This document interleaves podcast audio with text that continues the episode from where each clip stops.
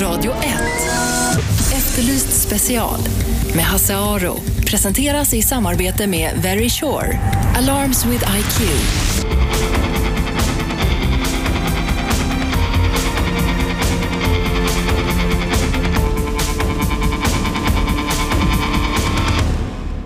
Välkomna hit, Efterlyst special, alltså en timme framåt här i Radio 101,9.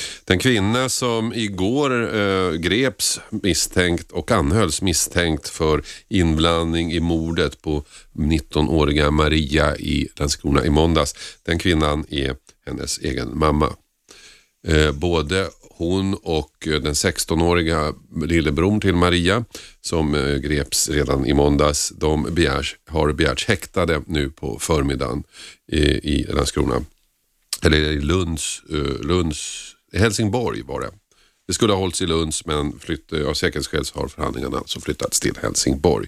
Och det var strax före klockan 10 i förmiddag som kammaråklagare Magnus Larsson begärde de två personerna häktade och i eftermiddag redan nu ska de ställas inför häktningsdomare och förhandlingarna ska köra igång.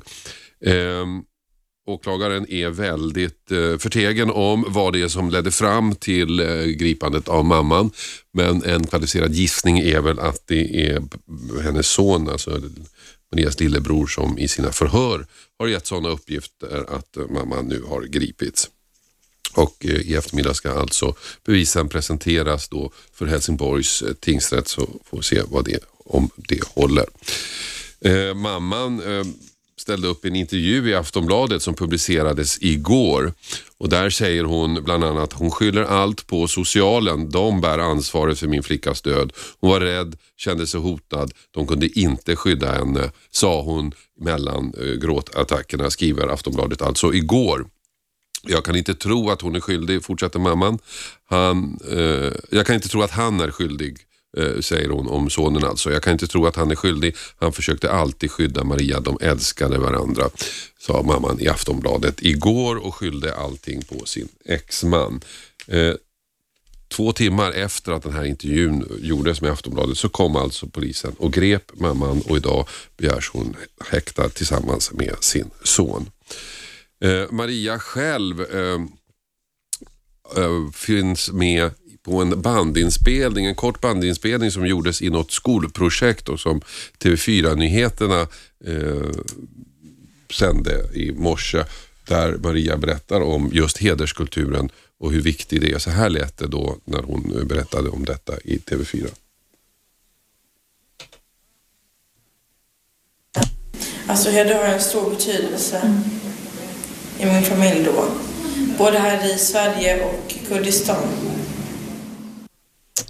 mördade Maria, 19 år, som sa att hedern har stor betydelse både i hennes familj, både här i Sverige och i Kurdistan. Farman Sedik är med på telefon. Välkommen Farman. Du jobbar med en organisation som heter Sharafs hjältar. Vad är det för något? Mm, ja, det är en organisation, Elektra Sharafs hjältar, som vi, vi startade tillsammans. Vi började med teatergrupper i 2001 med, tillsammans med Riksteatern. Mm. Sen projektet Kära Fjälter startade vi 2003 eh, med anledning att uh, arbeta med unga, unga mäns värderingar eller unga män med rötter i hedersrelaterade kulturer. Alltså att arbeta med deras värderingar och för, arbeta för en uh, attitydpåverkan och förändring. Mm. Ja. Och det är alltså, ni, ni jobbar mot killar helt enkelt, killar och män som befinner sig i en sån här hedersmiljö? Eh, ja, fokuset när vi startade organisationen så var det killar och män, alltså bröder, kusiner, alltså allmänt killar som har eh, taskig kvinnosyn, killar som är uppväxta i en hederskultur.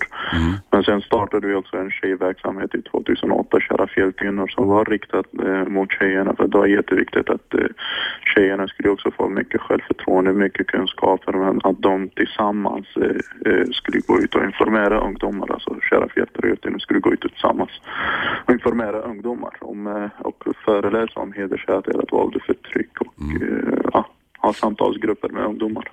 Blev du förvånad nu när du förstod att det var mamman som eh, polisen grep igår? Nej, inte alls. Det, det har vi alltså vi som har arbetat med de här frågorna har eh, alltid pratat om att eh, i en heders, alltså det som är eh, skillnader alltså med hedersrelaterat våld och planering till att eh, ett annat typ av eh, våldshandling så handlar det om att här har vi kvinnor som är med och eh, tänker och planerar och ibland själva utöver eh, hela våldet. Mm. Så det, det, det var inte alls förvånande på, på något sätt. Eh, det framställs ju ofta som om det här är en mans, eh, manshistoria, att det är män som, vars, som ska upprätta heden och det är män som gör det här. Men det, det är alltså inte hela sanningen. Det är inte hela sanningen. Det, är- det, är en del av, eh, det är en del av det. Så att du har ett patriarkat, att det är männen som hörs och syns. Och att du har en hierarki där männen som sitter på toppen. Men det är kvinnorna som är också eh, de ansvariga, speciellt för flickornas uppfostran och flickor, alltså att ha mer koll på flickorna. Så att det, det finns jättemånga fall där det är mammorna som eh, begränsar, det är mammorna som eh, är lite mer oskuldspoliser, det är mamman som lär henne om vad som är kyskhetsregler och det är mamman som planerar och det är mamman som fostrar och så. Så att mamman har också jättemycket i det här, alltså att hon har en bild att visa för sitt omgivning, sitt gemenskap att hon är en bra mamma och hon tar hand om sina flickor på ett bra sätt. Mm. Eh, du kände ju eh, Maria, eller träffat henne? Nej, jag har inte träffat henne. Vi hade ett privat kontakt eh, via nätet bara. Ja. Ja. Berättade hon då om, om att hon kände sig hotad? Nej, inte mycket, men hon berättade att hon hade problem med de här frågorna. Eh, och eh, hon kände sig, hon tyckte inte det var alls bra. Så att det var många, det var mycket ryktesspridning, det var mycket, många människor som pratade om det här och så. Så det lilla eh, som hon berättade, det, det var jag fått höra. Så att det var mycket otrygghet, alltså att det var människor som pratade illa om henne. Mm. Du, eh, du själv har ju rötter i en, en sån här hederskultur och du själv hade ju de värderingarna. Mm. Berätta. Ja. Jag växte upp med en sån tradition där det var jätteviktigt med Alltså att man hade ett helt annat manlighetsideal och eh, man hade ett syn på heden och vad heden skulle vara. Alltså, att det var jätteviktigt familjen och omgivningen. Alltså att eh, skulle respektera det och du skulle ha ett, ett bra anseende som en hel familj. Så där fick man lära sig, alltså att fostrades i värderingar tidigt ålder, att man ska inte vara självisk, du ska inte bara tänka på dig själv, du måste tänka på din omgivning och det du gör eh, kan drabba de andra alltså. Eh, Men eh, ja, det, och det, där kan man ju förstå alltså, familjen och det är så, så är det ju väl i alla kulturer att man ska inte göra Ja. bort sig, man ska inte skämma ut familjen och tänk, tänk på grannen och allt det där. Men därifrån till att ta steget och skada och döda någon, hur, hur tänker man? Eh, alltså, resonemanget man tänker på det, alltså, det som är rationellt där är att man offrar någon för resten av gruppen. Och det är jättesvårt att förstå det som är utomstående, alltså att man offrar sina egna barn för att någon kusin i hemlandet ska ha det bra. Men det är just där man måste titta in, alltså att det, det är just de här skillnaderna som är jätteviktiga att ta upp det också. Alltså att här finns det en omgivning som är beroende av varandra. Det finns ett kollektiv som, eh, som är beroende av varandra, alltså både ekonomiskt, socialt, men trygghetsmässigt. Så att när någon från gruppen sticker ut och det leder till att andra tittar på den här, omge- alltså den här gruppen, familjerna, de är lösaktiga, de är inte en bra familj. Leder det att det blir mer och mer tryck på föräldrarna som blir ytterst ansvariga för att visa ett tydligt föräldraansvar. Alltså att de måste göra någonting. Och i, i många fall leder det till att det, det slutar med mord, tyvärr. Den som då utför gärningen, eller hur mår familjen efteråt? Ja, man mår inte bra. Så nu, den här familjen är totalt förstörd. Alltså, nu, nu har vi ett, eh, mamma och en lillebror som begärt häktade. Eh, det här drabbar hela familjen, men i omgivningen alltså, som har lagt det här trycket på föräldrarna så på något sätt legitimeras det här att äntligen de löste problemet. Alltså på något sätt man har en syn om att problemet är löst nu. Mm. Ska, skammen är tvättad, skammen är borta. Men den som har utfört gärningen, den, den känner sig inte stolt eller på något sätt? Nej, det, det finns inte så mycket stolthet i det här. Alltså det, det, är mycket, det kan kommer tillbaka mycket ångest. Men det, det är också lite olika. Så att, jag tror det är skillnad hur den här 16-åringen och mamman resonerar kring det och börjat eh, lite mer reflektera på vad är det man har gjort. Eh, för mamman kanske har en stark anledning att eh, det, här var, det här var enda lösningen.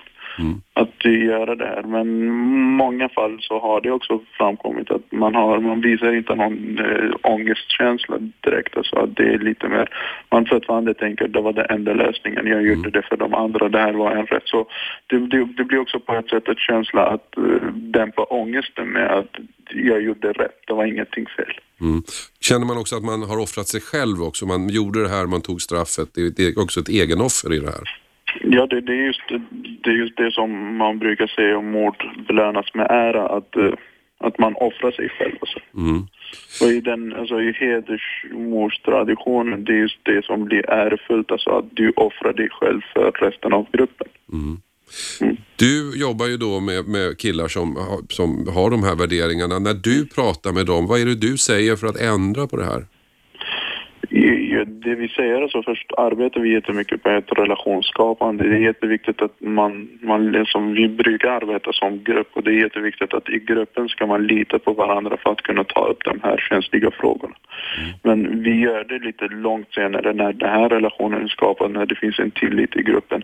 Och där börjar man jobba upp, alltså mm, tar upp olika exempel. Alltså att, för, för dem det är jätteviktigt att försvara heden och det, det man pra, försöker prata om att det är positivt att visa respekt för människor och att människor ska respektera dig. Men den negativa sidan av hedern är att, att det blir ett kontrollfråga, det blir en begränsning, det blir ett orättvisa i det här. Och där jobbar man mycket med samtalsformer, alltså att då börjar man berätta upp kanske om eh, hur man själv tänker och hur, varför man tänker på det här sättet. Sen försöker man jobba jättemycket med att hur, hur kan man påverka, så hur kan man förändra det här? För att det finns ju många killar också som är trötta på det här, att på något sätt känna sig ansvariga över systrarnas beteende. Eller många killar som känner, sig, känner oro för att de ska bli bortgifta eller killar som blir tvungna att bete sig på ett sätt att de har inte valt det. Och där skapar man ett gemenskap där att vi ska tillsammans lyfta upp de här frågorna och se också förändringarna. Vinsten blir det här att de här dialogerna flyttar sig hem, att de här killarna går tillbaka och försöker påverka sina familjer. Jag, jag gjorde så själv med min egen familj. Att för mig var det jätteviktigt att ta de här samtalen hem också, att prata om det hemma också. Med att killarna har ett större roll, ett större möjlighet till påverkan inom familjen så blir det jättestöd för systrarna. Att systrarna också lyfts upp i den här diskussionen, att de känner att det finns ett stöd i hemmet, att det finns en bror där som stödjer systrarna. Mm. Eh, men som, om man växer upp som ungdom Ja. i, i Sverige, fast man är invandrare, man, man, familjen har en kultur hemma och så finns det den svenska kulturen. Det där har jag ju själv gjort. Och som ung så anammar man ju båda kulturerna, man blir någon slags budbärare mellan kulturerna. Och då, då, då blir jag lite förvånad över att den här hederskulturen ändå kan stå sig så stark i den här motsättningarna, om du förstår vad jag menar. Det, det som händer är alltså att många av de här ungdomarna, ungdomar som är födda här eller ungdomar som kommer hit med sina familjer, så hamnar i ett mellanförskap. Så de har ju ett majoritetssamhälle med sina normer, värderingar och lagar och regler, vad som är okej och inte okej. Men sen de har ju en identitet, de har ju rötter på andra, alltså, så familjen som säger till dig vad som ska vara okej och inte okej. Men sen skapar du en gemenskap av kompis, en kompiskrets som stödjer dig i de här värderingarna. Alltså jag hade många vänner som blev lite mer, ja, att man ringde runt till varandra och berättade om din syster är ute på stan med en kille och så ringer man tillbaka. Så att det blir ett gemenskap där man återupprättar de här värderingarna. Så att för personligt, på min tid kände jag jätteviktigt att jag får den respekten från mina kompisar så att inte de ska säga till mig, men kolla, titta där, din syster beter sig på ett lösaktigt sätt. Okej. Sen var det jätteviktigt att också att ha den rollen i hemmet så att, eh, för att det är lätt att killar som jag har träffat blir eh, nedvärderade av sina egna föräldrar där man säger till dem att ni är inte riktiga män, ni ska, vara, ni ska vara en bra man och ni ska ta hand om familjen. Så att man vill återupprätta det här manlighetsidealen och det är jätteviktigt. Jag som en man ska ansvara för min familj och ska ta hand om min familj. Tack så mycket Farman för att vi fick ringa. Oerhört intressant tycker jag att höra det här. Jätteintressant. Tack för att vi fick ringa. Tack. tack. Hej då. Hej.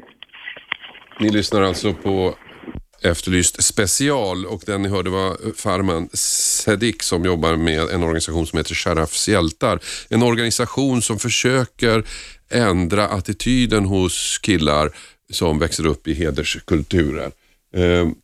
Och, som, som, och nu också jobbar med eh, tjejer. Detta med anledning av mordet på 19-åriga Maria i Landskrona i måndags. Idag begärs hennes lillebror, 16 år, och hennes mamma häktade för det här mordet. Vi, eh, efter pausen ska vi byta ämne. Är det rätt att, eh, är det rätt att Eh, tv-sända rättegångar? Ska vi kunna se rättegångar och följa dem direkt i tv? Eh, det ska vi prata om efter pausen. Radio 1.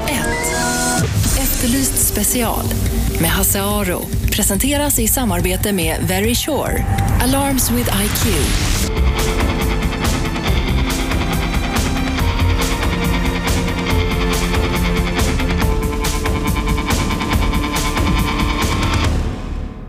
Välkomna tillbaka till Efterlyst special. Ehm, där vi just eh, där vi tidigare före pausen diskuterade hedersmord och heders, hederskulturen och hur man tänker.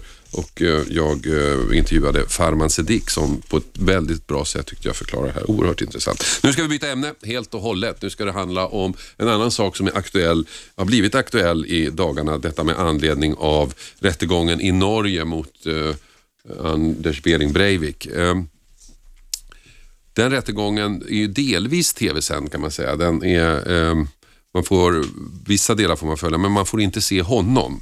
Eh, han får inte yttra sig i tv.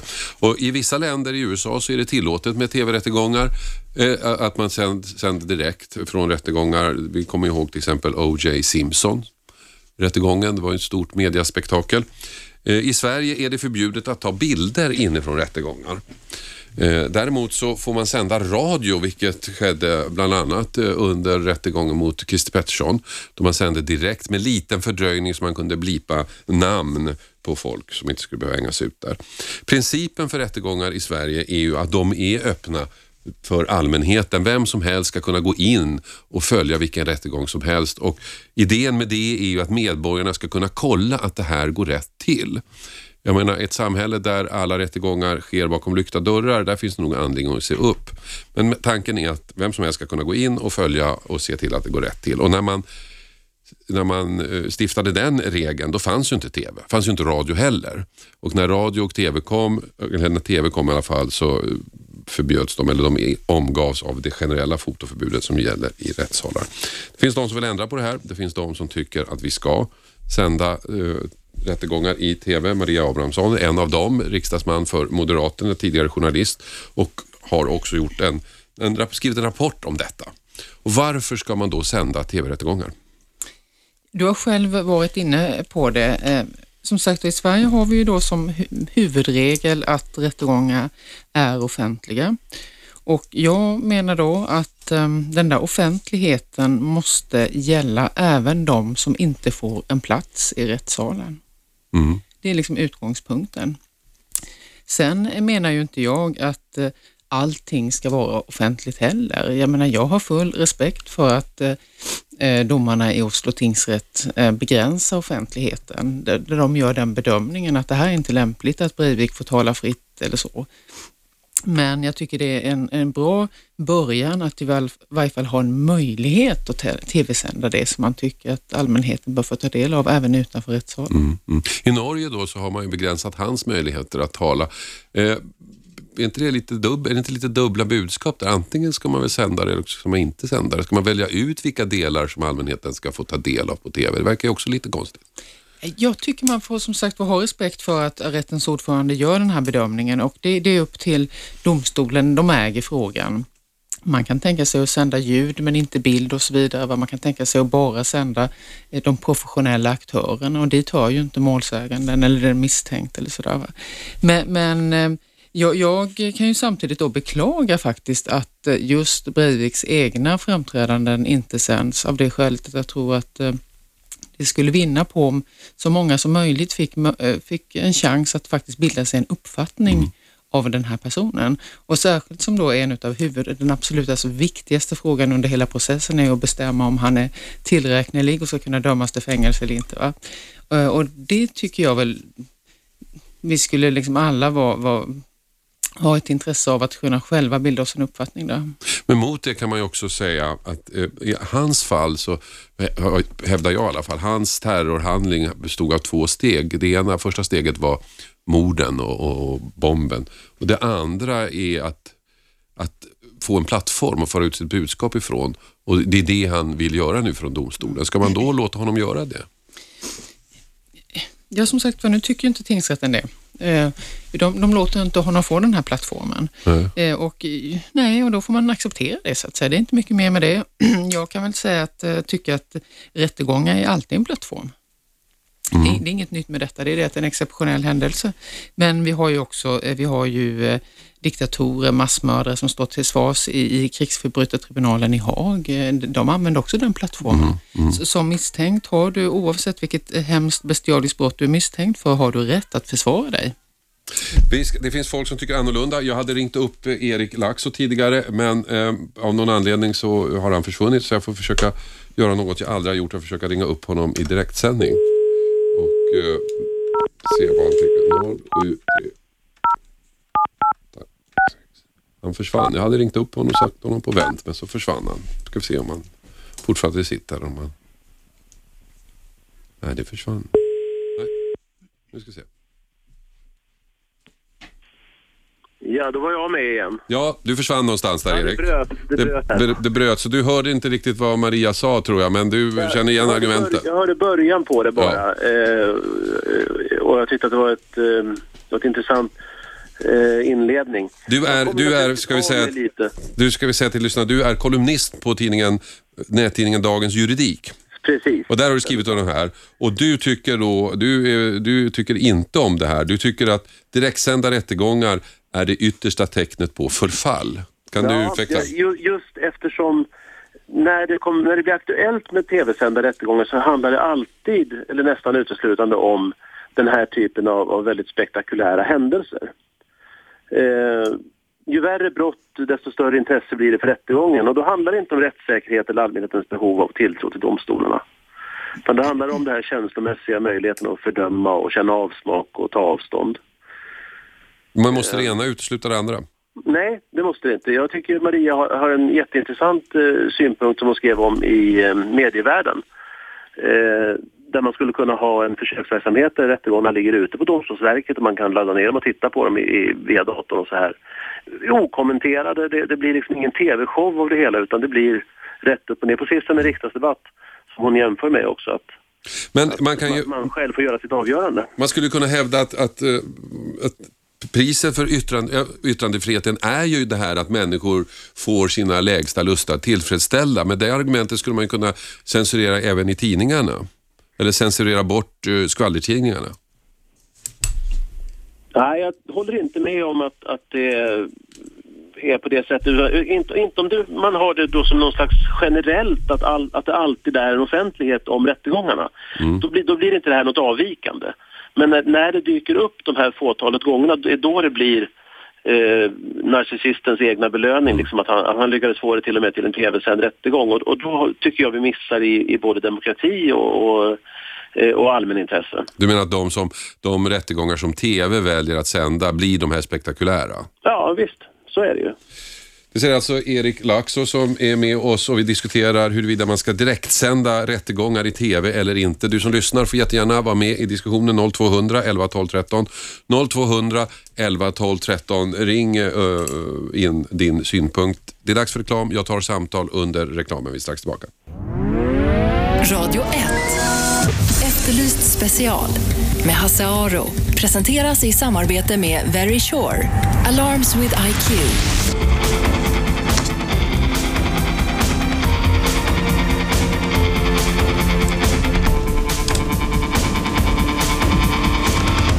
Välkomna tillbaka till Efterlyst special. Hasaro heter jag som sagt och vi diskuterar rättegångar, tv-rättegångar. Ska rättegångar få sändas i tv?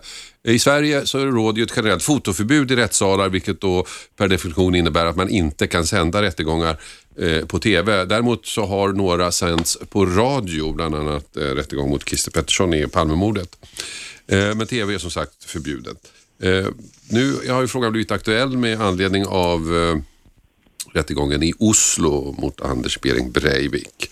Maria Abrahamsson, moderat riksdagsman, eh, tidigare ledarskribent på Svenska Dagbladet, har gjort, skrivit en rapport om det här. Du tycker att eh, rättegångar ska sändas i TV. Eh, kan du kort bara repetera huvudargumenten? Ja, huvudargumentet är ju att, att rättegångar i Sverige som, som grundregel är liksom offentliga. Och, och, men jag har då reagerat på att den där offentligheten, den gäller inte alla. Den gäller bara de som får en plats i rättssalen. Eh, och, det är väl det jag tycker är, är problematiskt faktiskt. Sen hörde vi här Erik Laxå tidigare berätta, mm, liksom tycka att det, det här skulle bara bli aktuellt med tv-sändning i Sverige på de här i de här just så kallade spektakulära rättegångarna.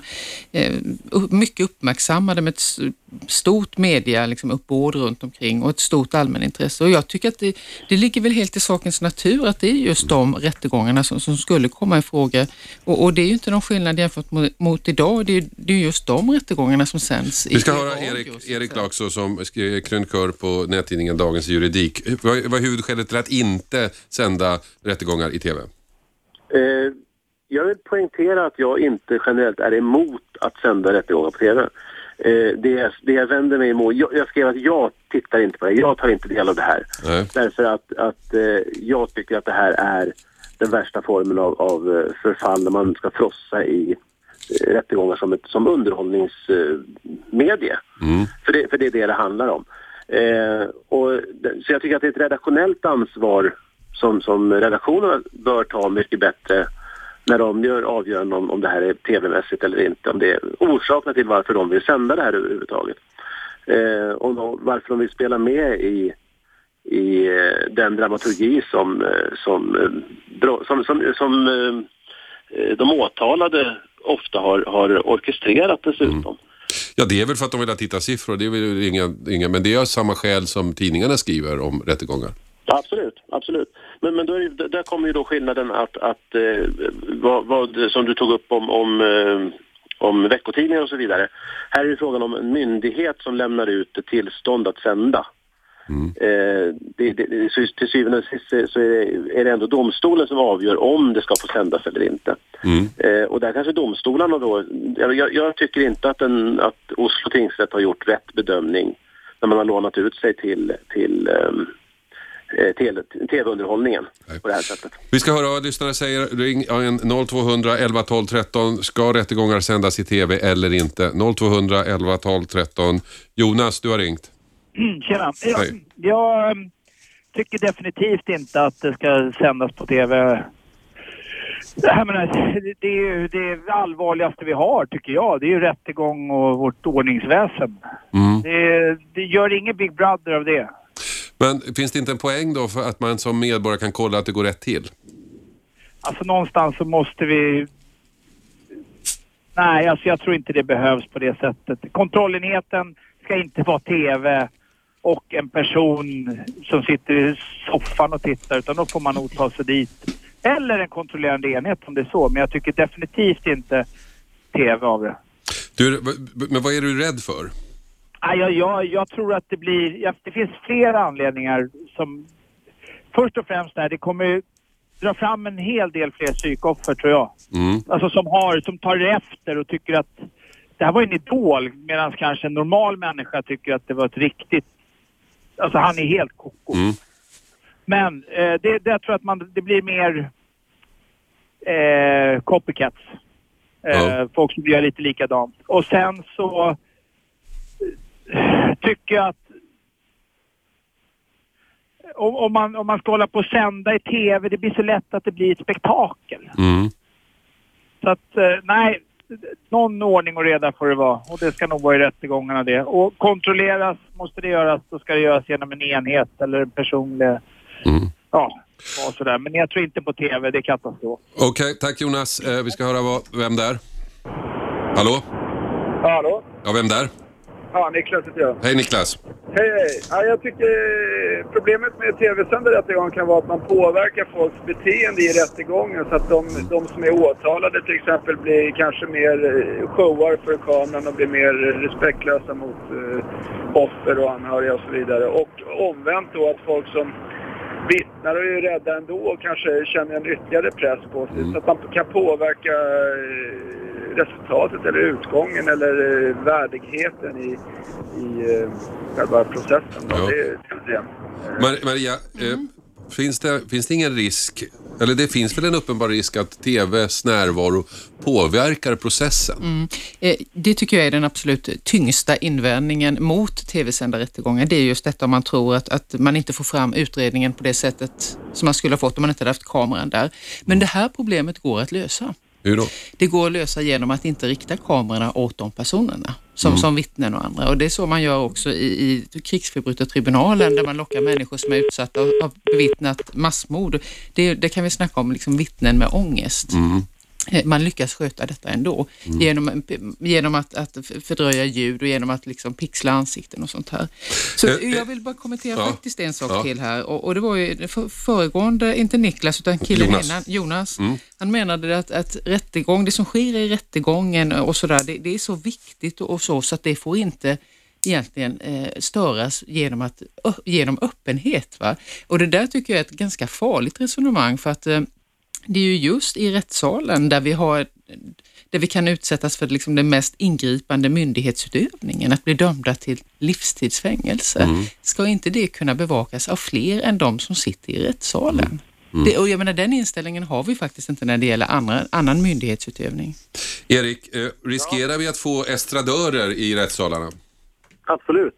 Eh, visst riskerar vi det och vi riskerar naturligtvis det som, som togs upp också här om vittnen som, som blir eh, besvärade, rädda, skrämda av offentligheten. Eh, och det Maria föreslår där är ju i stort sett att, att eh, TV då ska sända radio eh, genom att man inte ska visa Mm. vad, vad som föregår och, och då, då är vi tillbaka där vi står idag.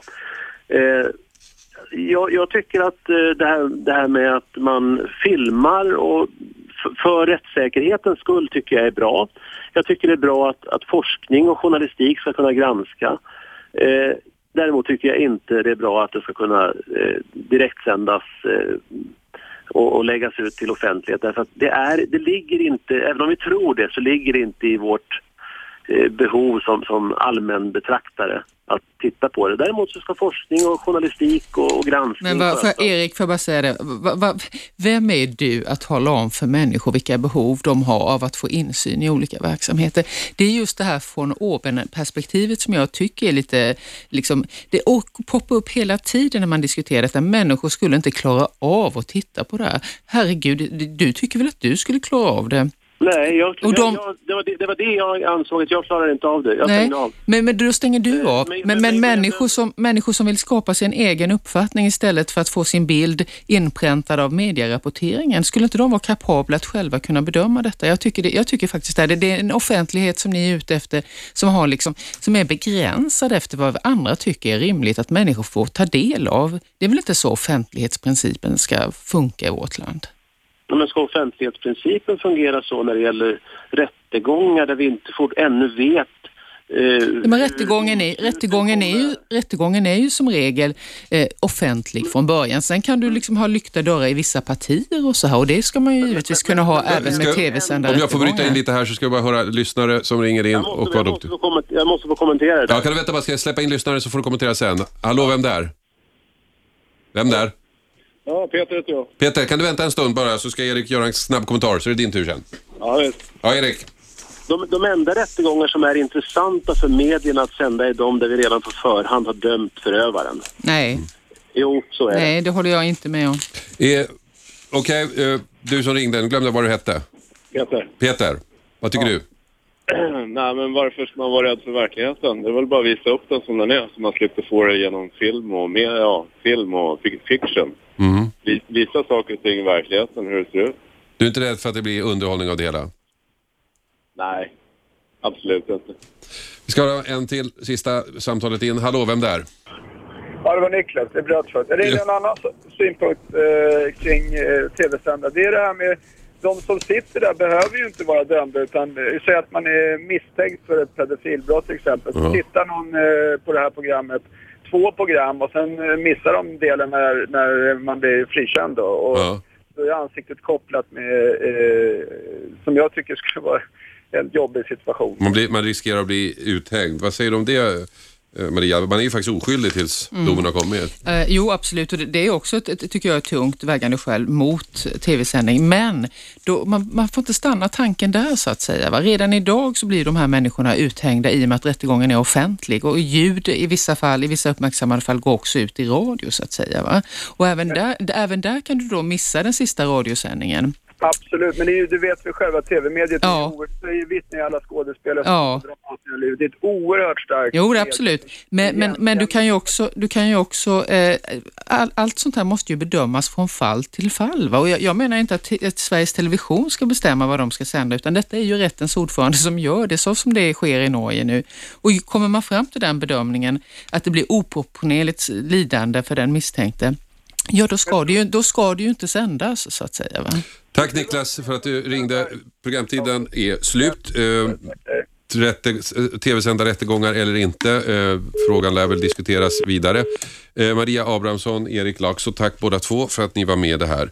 Eh, efter pausen, hur tänker en kille som mördar sin syster för familjens heders skull? Ja, det pratade vi om i början av programmet.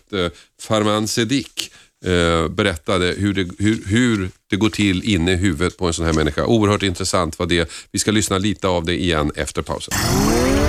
Radio 1. Efterlyst special med Hasse Aro. Presenteras i samarbete med Very Sure. Alarms with IQ.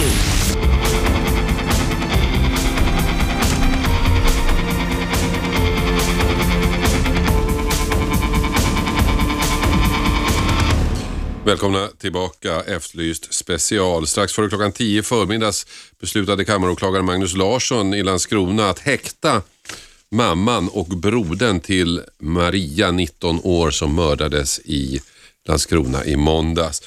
Eh, åklagaren tror alltså att mamman har förmått hennes bror att mörda systern och båda mamman och, och brorsan eh, begärs alltså häkt, begärdes häktas i förmiddag och förhandlingarna hålls i eftermiddag. Det här är ju väldigt svårt att förstå för de allra flesta hur man kan döda en släkting, en syster, en kusin, en dotter för familjens heders skull. Jag menar, har man inga, finns, det liksom inga biologiska spärrar? Hur tänker man? är den frågan som vi alla ställer oss och en som faktiskt vet hur man tänker är Farman Sedik. Han jobbar med en organisation som heter Sharafs hjältar och de jobbar aktivt mot den här hederskulturen. Far, Farman var själv en del av den förut eh, men lyckades ändra sitt tänkande och nu jobbar han med unga killar eh, i huvudsak för att få dem att tänka om, att inte omfattas av den här eh, hederskulturen. Jag pratade med honom i början av programmet. Jag tyckte han svarade väldigt intressant och bra. Och frågan förstås var ju till honom, Farman, hur tänker man? Det som är rationellt där är att man offrar någon för resten av gruppen. Och det är jättesvårt att förstå det som är utomstående, så att man offrar sina egna barn för att någon kusin i hemlandet ska ha det bra. Men det är just där man måste titta in, alltså att det, det är just de här skillnaderna som är jätteviktiga att ta upp det också. Att här finns det en omgivning som är beroende av varandra. Det finns ett kollektiv som, eh, som är beroende av varandra, alltså både ekonomiskt, socialt, men trygghetsmässigt. Så att när någon från gruppen sticker ut och det leder till att andra tittar på den här, omgiv- alltså den här gruppen, familjerna, de är lösaktiga, de är inte en bra familj. Det att det blir mer och mer tryck på föräldrarna som blir ytterst ansvariga för att visa ett tydligt föräldraansvar. Alltså att de måste göra någonting. Och i, i många fall leder det till att det, slutar med mord, tyvärr. Den som då utför gärningen, eller hur mår familjen efteråt? Ja, man mår inte bra. Alltså, nu, den här familjen är totalt förstörd. Alltså, nu har vi ett, eh, mamma och en lillebror som begärt häktade. Eh, det här drabbar hela familjen, men i omgivningen alltså, som har lagt det här trycket på föräldrarna så på något sätt legitimeras det här att äntligen de löste problemet. Alltså på något sätt man har en syn om att problemet är löst nu. Mm. Ska, skammen är tvättad, skammen är borta. Men den som har utfört gärningen, den, den känner sig inte stolt eller på något sätt? Nej, det, det finns inte så mycket stolthet i det här. Alltså det, det, är mycket, det kan komma tillbaka mycket ångest, men det, det är också lite olika. Alltså att, jag tror det är skillnad hur den här 16-åringen och mamman resonerar kring det och börjat eh, lite mer reflektera på vad är det man har gjort. Eh, för mamman kanske har en stark anledning att eh, det, här var, det här var enda lösningen att göra det här. Men i många fall så har det också framkommit att man, har, man visar inte någon äh, ångestkänsla direkt. Alltså att det är lite mer, man fortfarande tänker att det var den enda lösningen, jag gjorde det för de andra, det här var en rätt. Så det, det, det blir också på ett sätt en känsla att äh, dämpa ångesten med att jag gjorde rätt, det var ingenting fel. Känner man också att man har offrat sig själv också? Man gjorde det här, man tog straffet. Det, det är också ett egenoffer i det här. Ja, det, det, är just, det är just det som man brukar säga om mord belönas med ära, att, eh, att man offrar sig själv. Alltså. Mm. Och i, den, alltså, i hedersmordstraditionen, det är just det som blir ärofullt, alltså att du offrar dig själv för resten av gruppen. Du jobbar ju då med, med killar som, som har de här värderingarna. När du pratar med dem, vad är det du säger för att ändra på det här?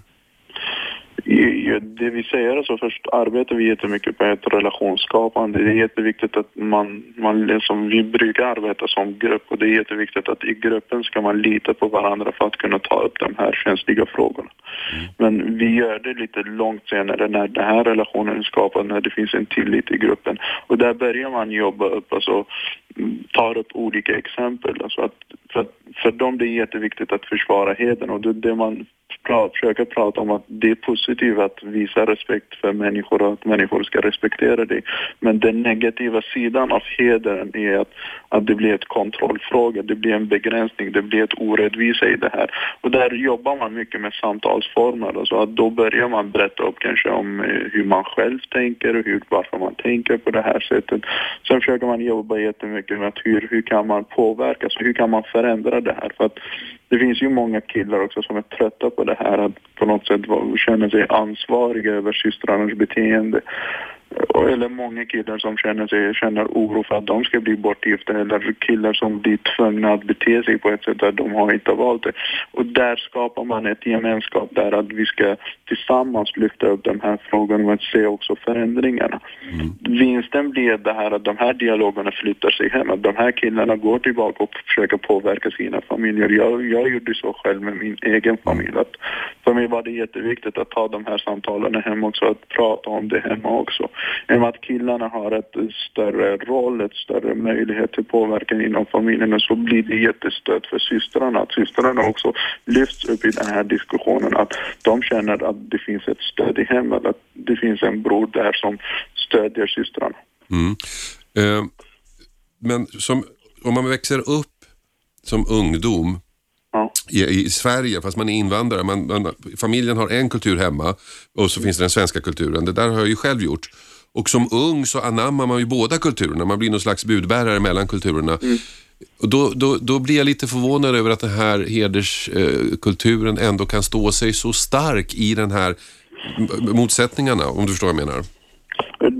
det, det som händer är alltså att många av de här ungdomarna, ungdomar som är födda här eller ungdomar som kommer hit med sina familjer, och så hamnar i ett mellanförskap. Så de har ju ett majoritetssamhälle med sina normer, värderingar och lagar och regler, vad som är okej och inte okej. Men sen de har ju en identitet, de har ju rötter på andra, alltså, så familjen som säger till dig vad som ska vara okej och inte okej. Men sen skapar du en gemenskap av kompi, en kompiskrets som stödjer dig i de här värderingarna. Alltså jag hade många vänner som blev lite mer, ja, att man ringde runt till varandra och berättade om din syster är ute på stan med en kille och så ringer man tillbaka. Så att det blir ett gemenskap där man återupprättar de här värderingarna. Så att för personligt, på min tid kände jag jätteviktigt att jag får den respekten från mina kompisar så att inte de ska säga till mig, men kolla, titta där, din syster beter sig på ett lösaktigt sätt. Okay. Sen var det jätteviktigt att också att ha den rollen i hemmet så att, eh, för att det är lätt att killar som jag har träffat blir eh, nedvärderade av sina egna föräldrar där man säger till dem att ni är inte riktiga män, ni ska, vara, ni ska vara en bra man och ni ska ta hand om familjen. Så att man vill återupprätta det här manlighetsidealen och det är jätteviktigt jag som en man ska ansvara för min familj och ska ta hand om min familj. Det sa alltså Farman Sedik som jobbar med organisationen Sharafs hjältar som eh, då jobbar med killar som växer upp i hederskulturer och försöker förändra den här massiva hjärntvätten, eller vad man ska kalla det. Och jag tyckte det var oerhört intressant att höra eh, hur det fungerar och hur, hur killar kan liksom ta till sig det här så starkt och utföra de här grejerna som de gör. Efterlyst special är slut för idag, för den här veckan faktiskt. Vi är tillbaka på måndag. 101,9 Radio 1. Sveriges nya pratradio.